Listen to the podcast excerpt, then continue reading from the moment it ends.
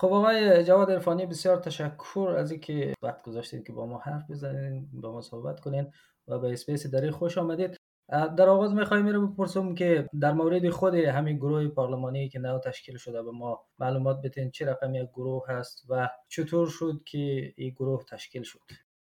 تشکر آقای انوری و تشکری می‌کنم از رادیوی SBS دری که فرصت بر ما فراهم ساختن. به صورت کلی ایده تشکیل یک گروه دوستی پارلمانی تقریبا به صورت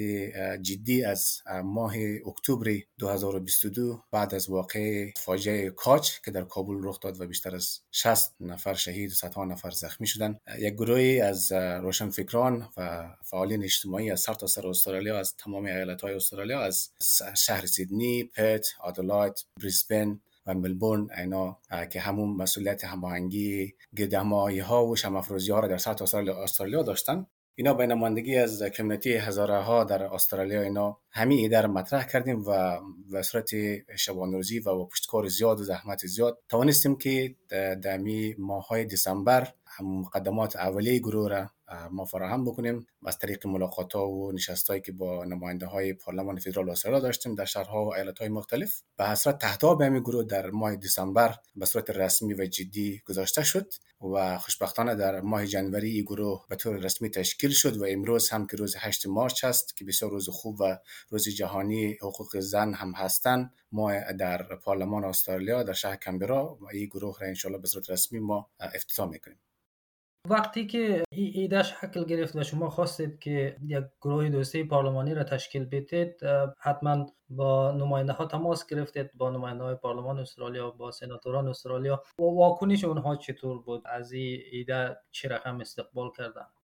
رفتار و برخورد و پذیرش سناتورها و نماینده پارلمان استرالیا به صورت کلی بسیار مثبت بوده. گرچه با باید یک مقداری به عقب برگردم. خب مردم هزاره در در استرالیا در حدود 20 چند سال میشه که اینا در استرالیا بوده باش دارن. و در حال حاضر بر اساس آمارهای رسمی که در دست است بیشتر از 71 هزار شهروند و مقیم دائم استرالیا هستند از تبار و قوم هزاره در اینجا زندگی می‌کنن و به همون ترتیب اینها در شهرها و ایالت های مختلف پراکنده هستند و بودباش دارند و نماینده مختلف با در حد و سطحی با مشکلات و تاریخچه و معضلاتی که مردم هزاره در افغانستان و پاکستان و جاهای دیگر درگیر هستند آگاه هستند. فای خوب یک پیش زمینه بود برای گسترش این صحبت ها و ایجاد و طرح پیشنهاد گروه پارلمان دوستی پارلمانی که به صورت عموم بسیار استقبال خوب شده و دوستای ما که در هر شهر ایالت با نماینده پارلمان فدرال و سناتورای اینا که نشست داشتن با دیدار بازی داشتن بسیار استقبال خوب شده و اینا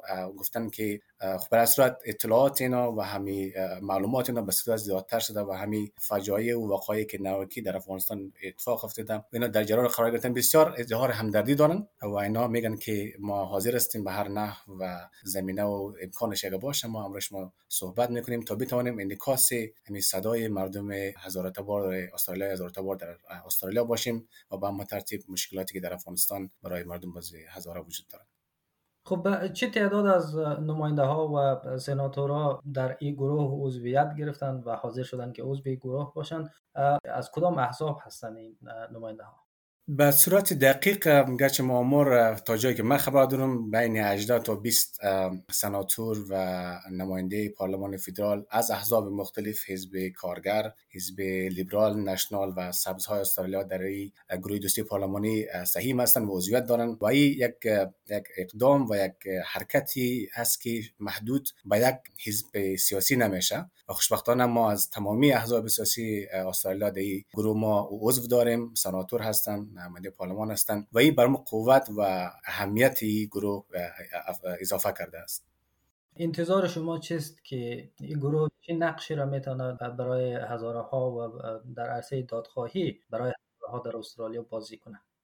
صحبت هایی که با نماینده و سناتورها داشتیم در شش ماه گذشته بیشتر حول و محور صحبت که در چندین مسئله بوده. انتظاراتی که ما داریم به عنوان شهروندای استرالیا با که ما درست شهروند استرالیا هستیم افغانستان چندین هزار کیلومتر از دور است. ولی خب اتفاقها و وقایع و فجایعی که در افغانستان اتفاق میفته به طور مستقیم و غیر مستقیم در اتباع که از افغانستان هستن بخصوص هزارهایی که در استرالیا به صفت شهروند زندگی دارن تاثیر مستقیم داره. و ما کسایی داریم که در همین حادثه کاج که در اتفاق افتید در اکتبر 2022 اینا فامیلای نزدیک خود دست دادن. بلا صورت تاثیرات افغانستان درست گرچه ما در استرالیا هستیم شهروند استرالیا هستیم. اینا بخوایم و نخواهیم ما یک روابط عاطفی و عمیق داریم با کشوری که وطن ما است استرالیا هم وطن ماست. ولی خب طبعا اینا تاثیرات مستقیم و غیر مستقیم داره خواسته هایی که ما مطرح کردیم و سر و زو انشالله پلان داریم که اونا رو پیش ببریم و انشالله تا حصول و دستیابی باز اونا ما کار خود ادامه بدیم. اولی است که ما از تمامی نماینده های پارلمان از احزاب مختلف چی کارگر چی نشنال چی لیبرال و سبز ها خواسته های ما همی بوده که ما می‌خوایم که اونا طرحی در پارلمان فدرال استرالیا مطرح بکنن به صورت بین الحزبی بای پارتیزن که اینا از همی جنایت ها و فجایع و همی مصیبت هایی که مردم هزاره در افغانستان بود درگیر هستند به صورت رسمی از طرف دولت استرالیا و تمام احزاب سیاسی استرالیا که در پارلمان حضور دارن این محکوم شود و این نسل کشی که در افغانستان بر ضد مردم مردم هزاره جریان داره. متاسفانه نماینده هایی که عضو گروه هستند و کسایی که عضو نیستند و از احزاب مختلف سیاسی دولت و ما خواسته را داریم انتظار داریم که به صورت رسمی مسئله نسل کشی و افزایش حملات انتحاری و خشونت علیه مردم آزاد در افغانستان به صورت رسمی مطرح و از طرف احزاب سیاسی در استرالیا محکوم و به رسمیت شناخته شود. در مسئله دوم که ما داریم است که ما می‌خواهیم که دولت استرالیا به عنوان یکی از عضو مهم جامعه جهانی. اینا بتونن که از همون نفوذ و ارتباطات خود با سایر جامعه بین‌المللی استفاده کنن تا از حقوق و حق مردم هزار در افغانستان اینا بتونن حمایت بکنن و به خاطر که در شرایط فعلی خب مشکلات بسیار زیاد است ما می‌تونیم که دولت اصلی خاصه داریم که اینا بتونن همو حمایت به صورت کلی نداشته باشن. خاصه سومی که داریم است که در قسمت توزیع کمک های بین‌المللی که در افغانستان میشه که در حال حاضر ادامه داره. ما معتقد هستیم که این کمک ها به صورت عادلانه و شفاف توزیع نمیشه و به ولایت های مثل بامیان، دایکندی، مناطق غزارنشین در ولایت میدان وردک، غزنی و دیگر جایی که مردم ما حضور دارن این کمک ها یا اصلا نمی‌رسه و اگر می‌رسه بسیار به بسیار محدود و بسیار ناعادلانه توزیع میشه. ما خواستار شفافیت هستیم و می‌خوایم که این کمک هایی که از طرف دولت استرالیا به صورت کمک های بین‌المللی در افغانستان میشه ما می‌خوایم که در این قسمت یک شفافیت و یک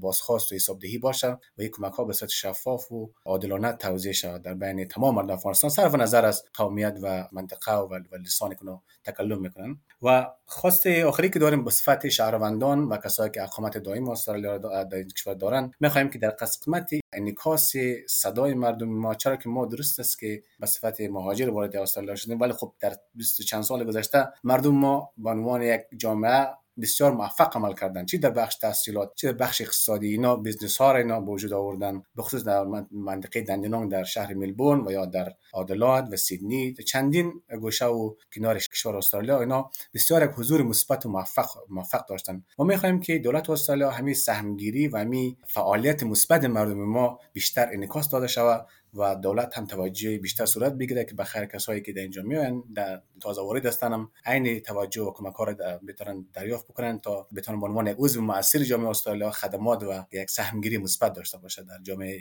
استرالیا. خود ساختار گروه دوستی پارلمانی چه رقم است؟ اگر شما خبر داشته باشین مثلا هر چند وقت یک بار اینا با همدیگر نشست می‌کنن و امو خود فرایند تصمیم گیری از اینا چه رقم است؟